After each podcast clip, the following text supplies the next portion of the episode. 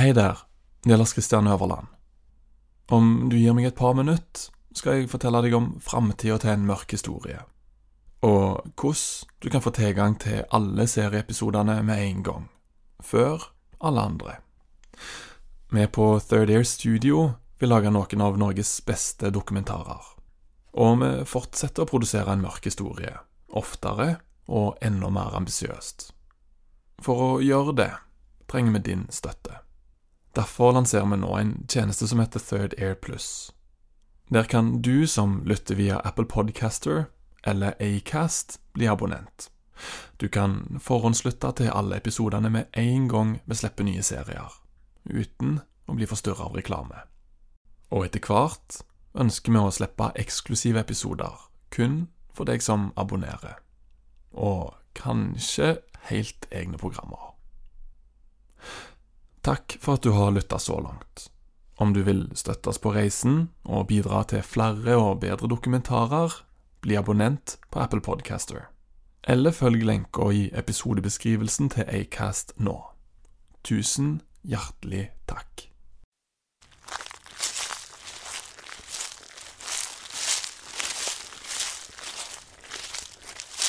Jeg husker eh, at mamma var veldig glad i gul, så stort sett hvis jeg tegnet eller lagde noe på skolen til hun, så var det gult. Det satte hun veldig stort pris på.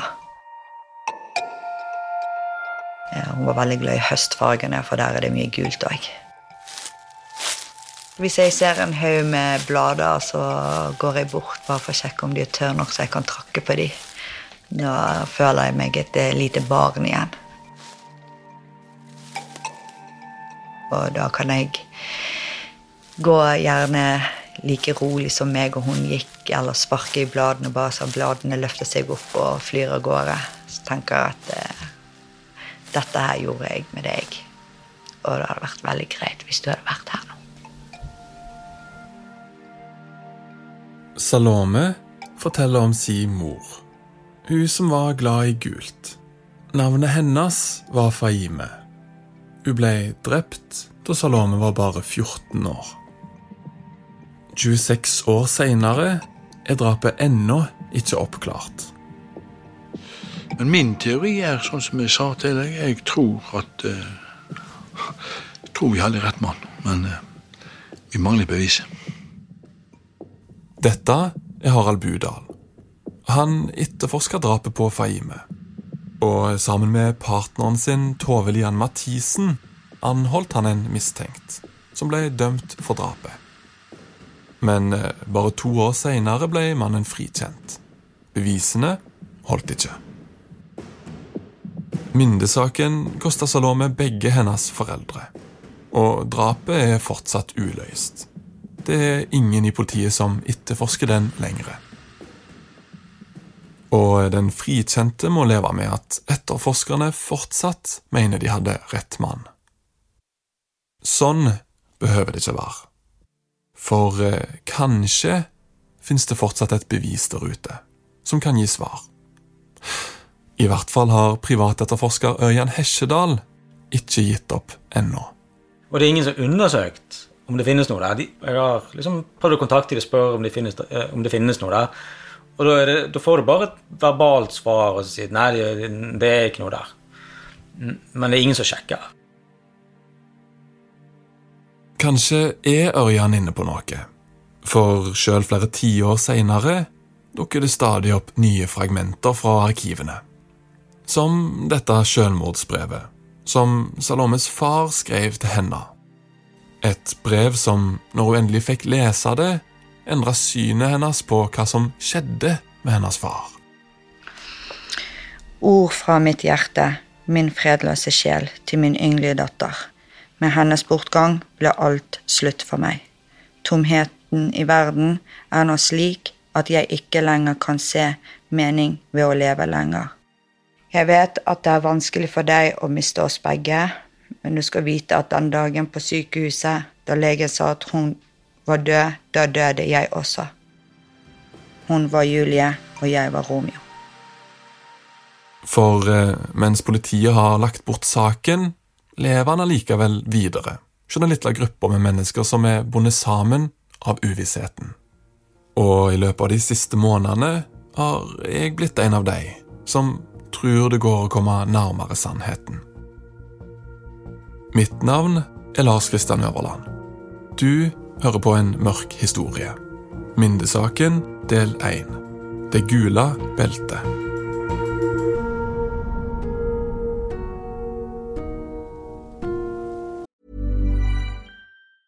Hey, it's Danny Pellegrino from Everything Iconic. Ready to upgrade your style game without blowing your budget? Check out Quince. They've got all the good stuff shirts and polos, activewear, and fine leather goods, all at 50 to 80% less than other high end brands. And the best part? They're all about safe, ethical, and responsible manufacturing. Get that luxury vibe without the luxury price tag. Hit up quince.com slash upgrade for free shipping and 365 day returns on your next order. That's quince.com slash upgrade. Hey, it's Ryan Reynolds, and I'm here with Keith, co star of my upcoming film, If, only in theaters, May 17th. Do you want to tell people the big news? All right, I'll do it. Sign up now and you'll get unlimited for $15 a month in six months of Paramount Plus Essential Plan on us. Mintmobile.com slash switch. Upfront payment of $45 equivalent to $15 per month. Unlimited over 40 gigabytes per month. Face lower speeds. Videos at 480p. Active Mint customers by 531.24 get six months of Paramount Plus Essential Plan. Auto renews after six months. Offer ends May 31st, 2024. Separate Paramount Plus registration required. Terms and conditions apply if rated PG. Den 26. april 1994 i Bergen er som de fleste andre dager i Vestlandets hovedstad. Ehm, jeg husker at det regnet veldig mye den dagen. Jeg hadde strikkegenseren til mamma på meg, så jeg eh, løp hjem fra skolen. Om litt vil den 14 år gamle skolejenta som løper gjennom regnet, dreie inn på snarveien. En smal, liten vei på Minde, med hus, bærbusker og frukttrær på begge sider av gata. Og når hun kommer til det grønne huset med nummer sju på, vil hun oppdage at livet hennes er forandra for alltid. Men det visste ikke Salome når hun runda gatehjørnet.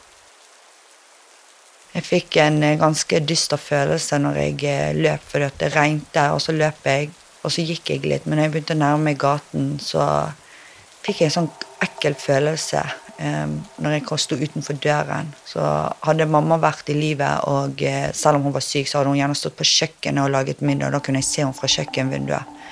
Men jeg fikk en sånn dyster følelse. Det så så dødt ut hjemme hos oss. Og det, var, det føltes veldig rart. Veldig ekkelt. Det var derfor jeg tok eh, genseren over hånden, og så åpnet jeg. Litt sånn sjette sans. Det var ikke vanlig at unge Salome dro strikkegenseren over hånda, for å ikke etterlate fingeravtrykk på dørhåndtaket på en helt vanlig tirsdag. Og det var heller ikke vanlig at ytterdøra var ulåst, eller at det var helt stille på innsida, hvor ei lukt hong i lufta. Det luktet hotdog fordi at hun hadde satt et hotdog på koking. Og komfyren var slått av. Så det luktet middag når jeg kom hjem. Faime, Salomes mor, var sjuk den dagen. Så Salome visste hun burde være hjemme. Så jeg eh, begynte å rope. Eh, ropte på mamma. Sjekket kjøkkenet. Ingenting. Mamma gikk i stuen. Det lå to kaffekopper på bordet. Og pappa var jo gått på jobb, så når pappa drakk te og sånn, pleide han å rydde etter seg når han gikk. Men det lå jo to kopper der når jeg kom tilbake, og den ene var med mamma sin leppestift på. Og vi hadde en altandør. Vi hadde ikke altan, men døren var der. Den sto halvåpen. Jeg gikk inn på rommet. Vi hadde sånne tynne kleshenger som det gikk an å bøye eh, før i tiden. Det lå en eller et par stykker på gulvet. Det syntes jeg var veldig rart, fordi mamma var ganske ryddig. Der lå hun på tvers i sengen med ansiktet motsatt retningen der jeg kom inn. Så jeg tok henne i skulderen. Jeg prøvde å riste henne, prøvde å vekke henne. Jeg trodde hun sov. Eh, ingen reaksjon, så jeg snudde ansiktet hennes mot meg. Og hun så ganske bleik ut, egentlig. Eh, når jeg tok opp hodet hennes opp fra sengen, for den hang ned sengekanten, så kom det et sånt rart lyd, akkurat som gespet etter luft. Og jeg tok begge hendene mine på kinnet hennes og åpnet munnen, og da så jeg hun hadde blod i munnen. Og da ringte jeg til min far og sa at mamma har besvimt. Han spurte hva mener du, så sa jeg har ikke tid å snakke med deg, mamma har besvimt, jeg må ringe sykebil. Så jeg la på og ringte sykebilpersonalet. Over telefonen fikk Salome hjelp til å gå gjennom de vanlige skrittene når en person er bevisstløs. Um, De spurte hvordan hun lå, og eh, de spurte om jeg kunne legge henne til sideleie, så jeg ikke klarer det, for hun var så tung. De sa jeg måtte prøve det. Men det blir snart klart at dette ikke er en vanlig tragedie. spurte om de hadde, det var noe som sperret eh, luftveien hennes. Så sier hun har en skjall rundt halsen. Og de spurte om jeg kunne åpne den. da. Så jeg åpnet skjallet, og da hadde hun rød strek med røde prikker rundt halsen. Og da sa jeg til dem at hun er blitt kvelt.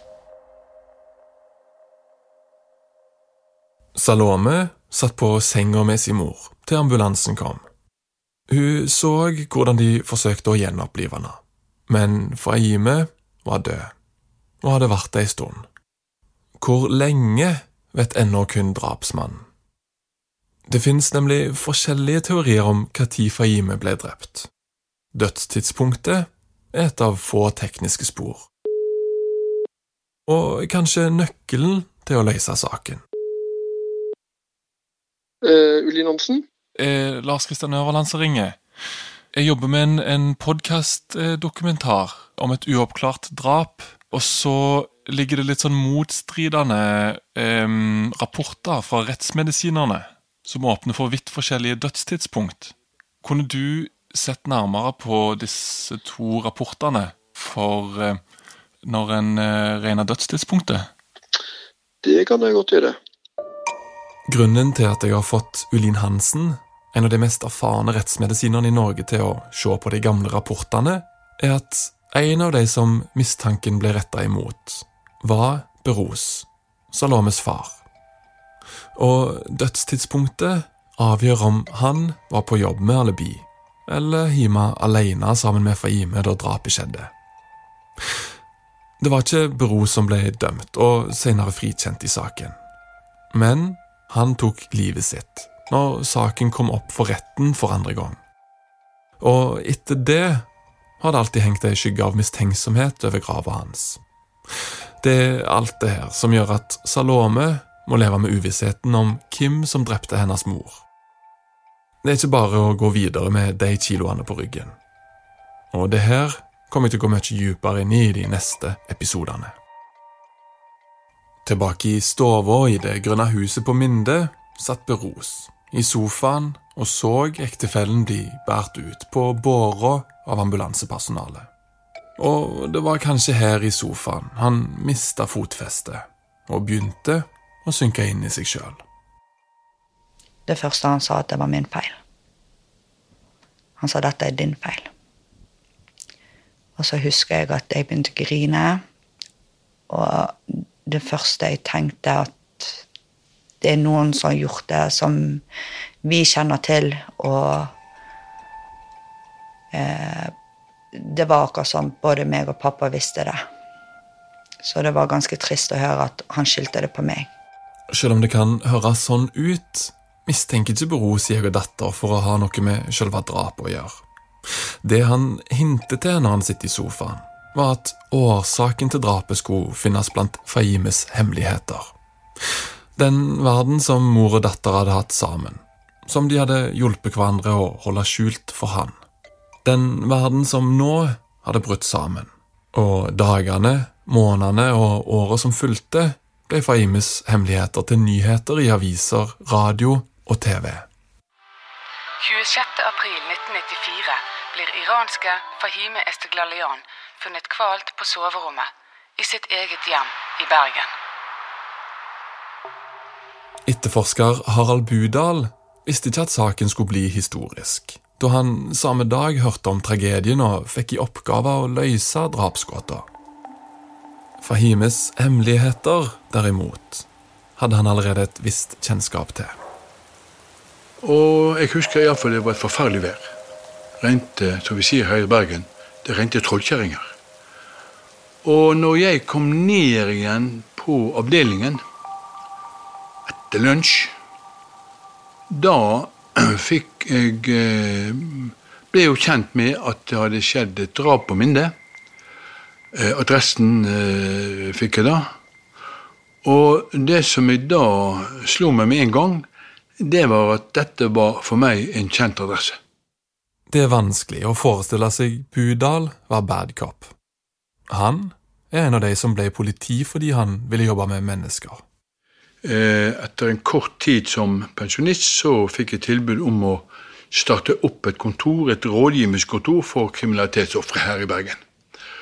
Og det gjorde jeg, og jobbet med det frem til jeg var 70. Å hjelpe folk med å lukke et mørkt kapittel i livet deres, altså. O etter han hang ifra seg politiuniformen. Men akkurat det mislyktes i Minde-saken. Inntil videre, i hvert fall. Og det er kanskje derfor saken aldri har sluppet tak i han. Jeg har jo vært selvfølgelig på mange drap i ettertid, men uh, dette, var en, dette, var en, sak som Jeg har tenkt mye på den. Uh, fordi at den skulle Den skulle vel latt seg gjøre å, å løs den, altså. Det mener jeg, men ok. Etterforskninga starta hun lovende. På gjerningsstedet samla politiets teknikere inn bevismateriale, og rettsmedisineren i saken slo fast at Faime ble kvalt, sannsynligvis rundt klokka 14.00. Dette var det første antatte dødstidspunktet. Harald Budal og kollegaen Tove Lien Mathisen hadde hun et annet forsprang. Det var ikke første gang Budal hadde en sak på denne adressa da, da var det jo en del skritt i etterforskningen vi slapp å ta. For vi hadde jo en del da som vi kunne, kunne konsentrere oss om. ikke sant? Noen måneder før drapet hadde Harald Budal avhørt alle sammen som skulle bli hovedpersonene i drapssaken. Den gangen handla det om vold i hjemmet. Det var en sak mellom ekteparet, hvor han, ektemannen, ble anmeldt. Men hun ga jo en forklaring på dette. Og han ble da eh, Det ble utferdiget forelegg. Størrelse spiller jo ingen rolle. Men, men, men, det forelegget ble vedtatt av han. Så, altså, Det vil si en, en bot? En bot, ja. ja. Hva var hennes forklaring på det som hadde skjedd? Han, han, han hadde vært voldelig mot henne. Slått henne med en sånn her eh, som du bruker til å, å ruske i peisen med. En sånn uh, Det var nok ikke de store slagene, men ok. Det var, det var iallfall en handling som, som, som krevde at man påtalte den. Under den saken så ble jo jeg også gjort kjent med mistenkte i drapssaken. Og han mener jeg også at jeg avhørte som en slags vitne. Allerede under voldssaken var Harald Budal altså blitt kjent med persongalleriet som kom til å definere drapssaken. For under etterforskninga tegna det seg snart et bilde av at drapet kunne være et forferdelig punktum på et trekantdrama, som hadde kommet til fjerde akt, hvor hovedpersonen var drepte Faime, hun som var glad i gult. Hennes mann Beros, mannen med bart som hadde tatt familien til Norge, og mannen med hestehale og John Lennon-briller, som Budal kaller den mistenkte. I denne podkasten kommer vi ikke til å bruke navnet hans, siden han ikke ønsker å medvirke. Vi kaller han i stedet for Armin. Om du plutselig hører stillhet, så er det fordi vi har klippet ut navnet hans. Og utenfor selve trekanten men allikevel midt i dramaet sto 14 år gamle Salome. Ei tenåringsjente som egentlig skal få være i opposisjon, eller få lage sitt eget drama. Men sånn var det ikke for Salome. Selve røttene til hemmeligheten hun hadde delt med mora, stamma fra begynnelsen til familiehistorien. Den begynner i Teheran, hovedstaden i Iran som stadig sitra etter et årtier med revolusjon og krig mot Saddam Husseins regime i nabolandet Irak. Mamma var hjemmeværende med meg til jeg begynte på skole. I Iran begynner du i første klasse når du er fem år. Så fem år var jeg hjemme med mamma. Pappa jobbet eh, som taxisjåfør og eh, reiste til en annen by og jobbet som eh, landmåler. Lagde togveier og sånn. Så vi reiste ofte der, og vi hadde på en måte hytte i gåseøyne der. Men mamma var alltid hjemmeværende. Det var hun som tok seg av hus, og middagene var klare når pappa kom hjem fra jobb. og ja, Fulgte meg til skolen og hjalp meg med lekser.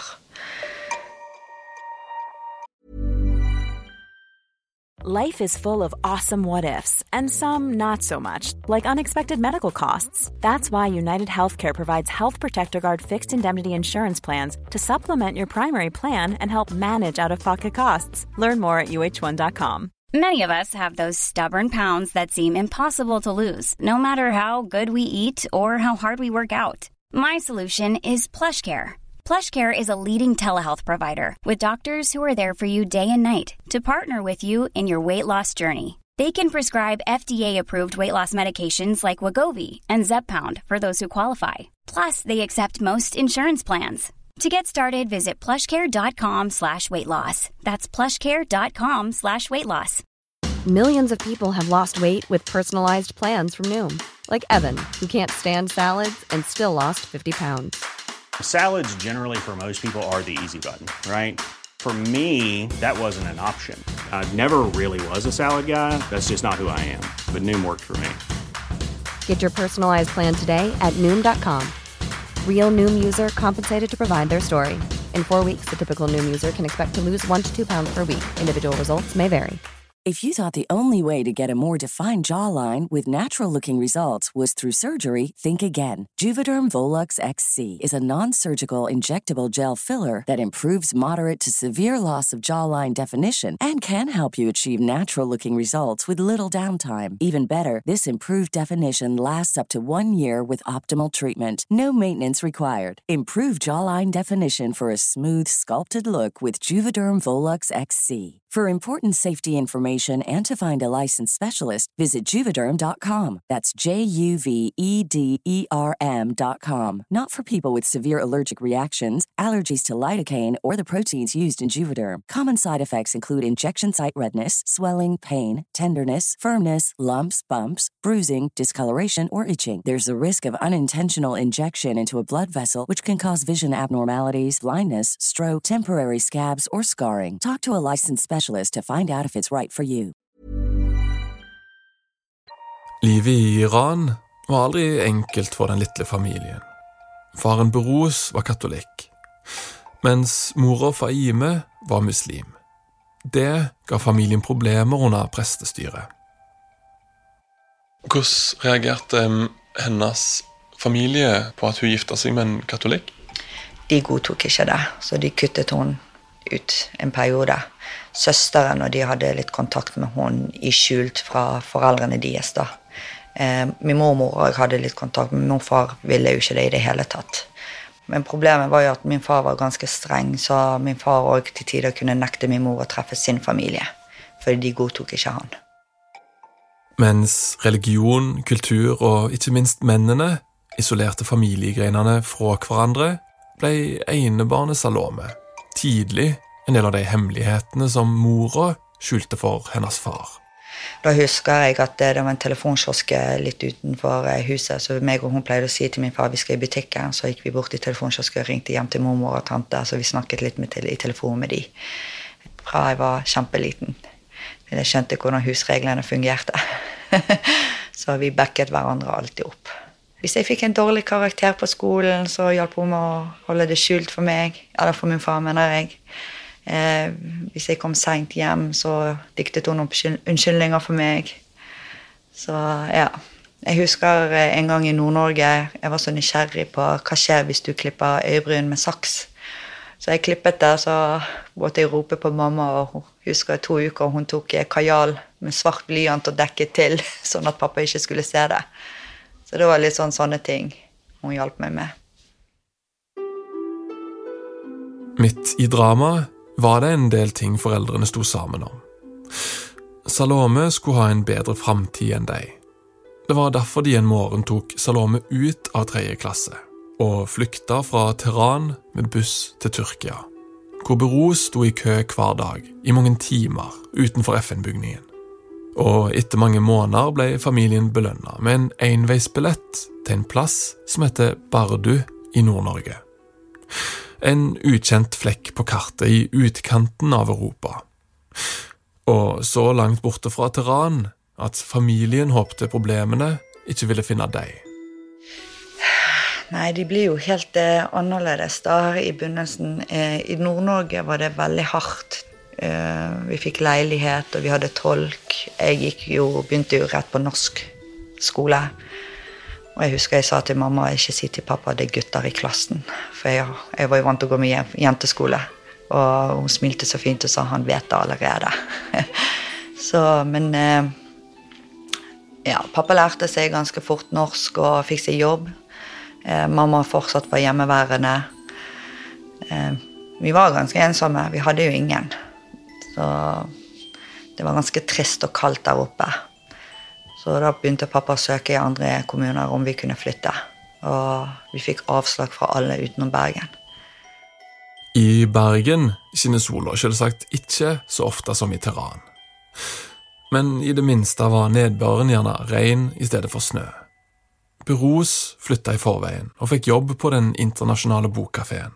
Han var håpefull, og mens han venta på å få familien ned, kjøpte han smykker for 7000 kroner til Faime, som etter noen måneder kom ned sammen med dattera. Nei, det kunne være både og. Det kunne gå plettfri hele kvelden, men med litt alkohol i blodet så kunne pappa være flink å dra opp gamle ting, og så gjerne ble det diskusjon. Men stort sett gikk det veldig bra. Ja. Bergen var ikke bare en by med regn og smykker. Det var òg en by med nye venner og bekjente, som både Beros og Faime hadde savna i det kalde Nord-Norge. En av de var han med Kalle Amin, mannen med hestehale og John Lennon-briller. Pappa ble kjent med han eh, når han først flyttet til Bergen alene.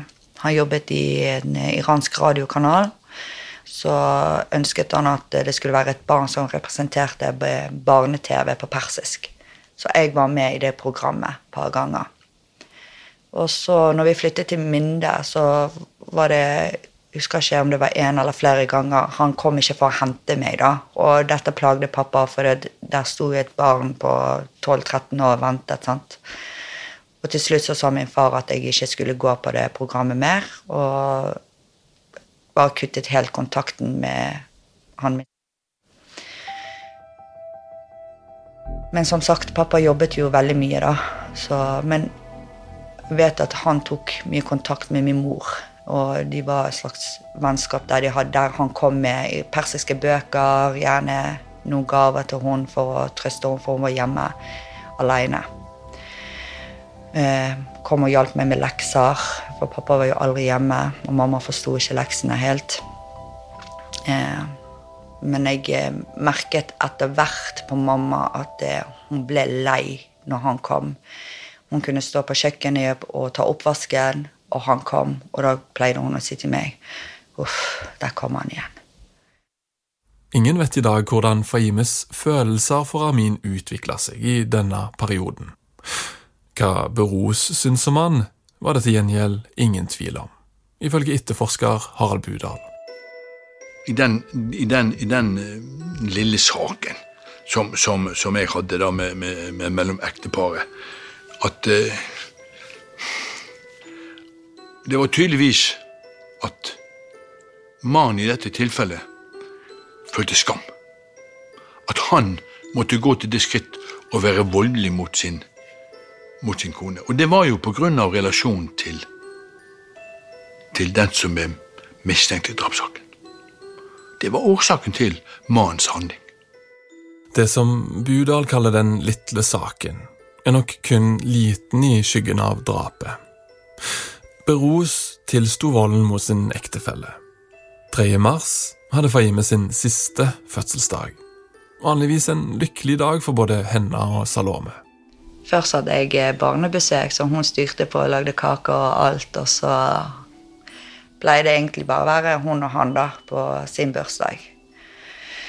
For vi har jo faktisk bursdag samme dag som mormor og jeg. Så vi er tre stykker som har bursdag samme dag. Så det ble litt sånn tung dag for hun å være her uten sin familie.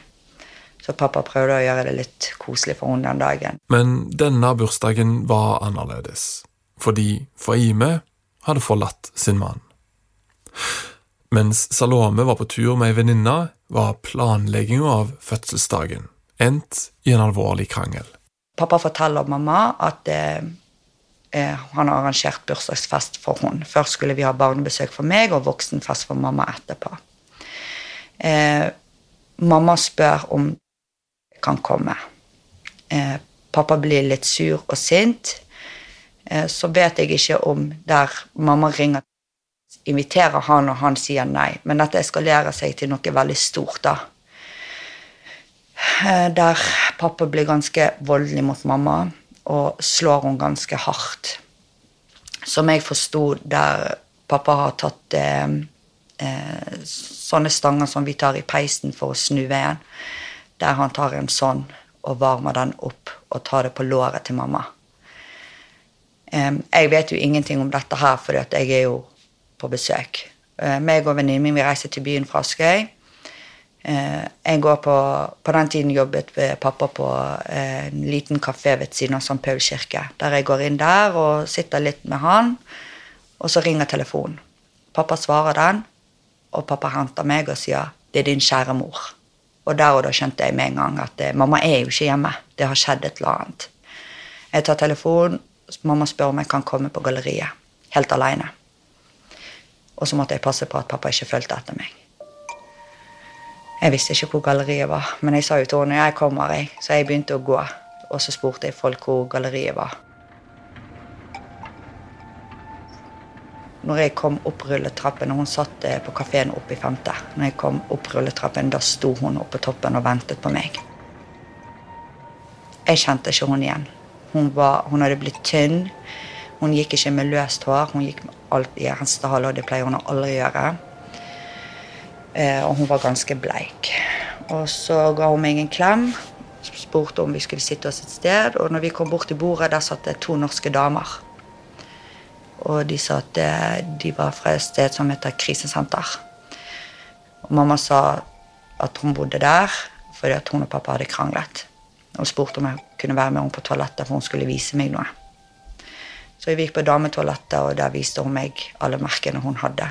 Og hun hadde vært hos politiet og anmeldt den. Hun hadde merke på ryggen, og hun hadde en ganske stor blåmerke på, midt på hele låret. Så hadde hun noen små merker andre steder. En gang feirer familien tre generasjoner av kvinner på samme dag. Men nå var Faime ikke bare atskilt fra sin mor, men òg sin datter. Og kanskje nettopp derfor kunne hun heller ikke holde seg helt borte. Jeg husker at hun kom på døren midt i bursdagsbesøket med to politibetjenter for å hente noen klær.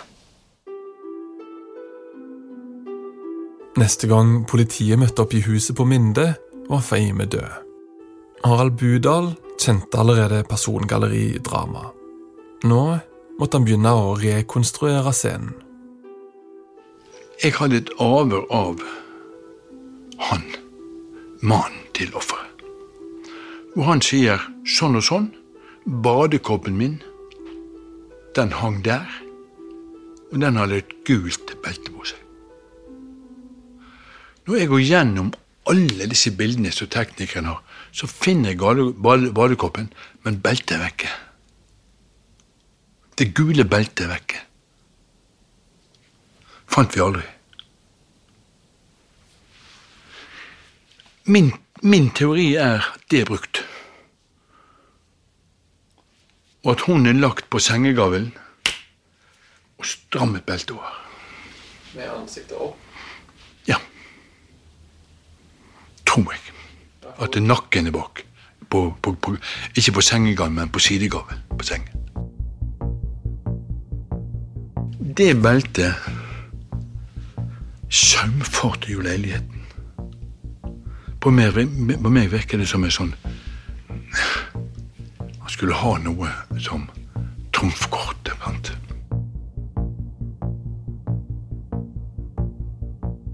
I neste episode skal vi høre mer om etterforskninga. Så måtte vi se på se på neste spor. Eh, Og når eh, alle reiste seg for å bære kisten, så plutselig så sto han eh, der med kisten. Vi så ikke hvor han kom fra med engang. Og det var ikke plass til han å holde kisten, han holdt kanten av kisten. Jeg husker jo det, så det var en som faktisk ba han gå vekk. Så er det størst sjanse for å oppklare en, en gammel sak hvis man kan lykkes i å finne kriminaltekniske bevis som knytter noen til, til eh, drapshandlingen. Uansett hva vi hadde kunnet lagt på bordet her, så hadde han hatt en forklaring på det.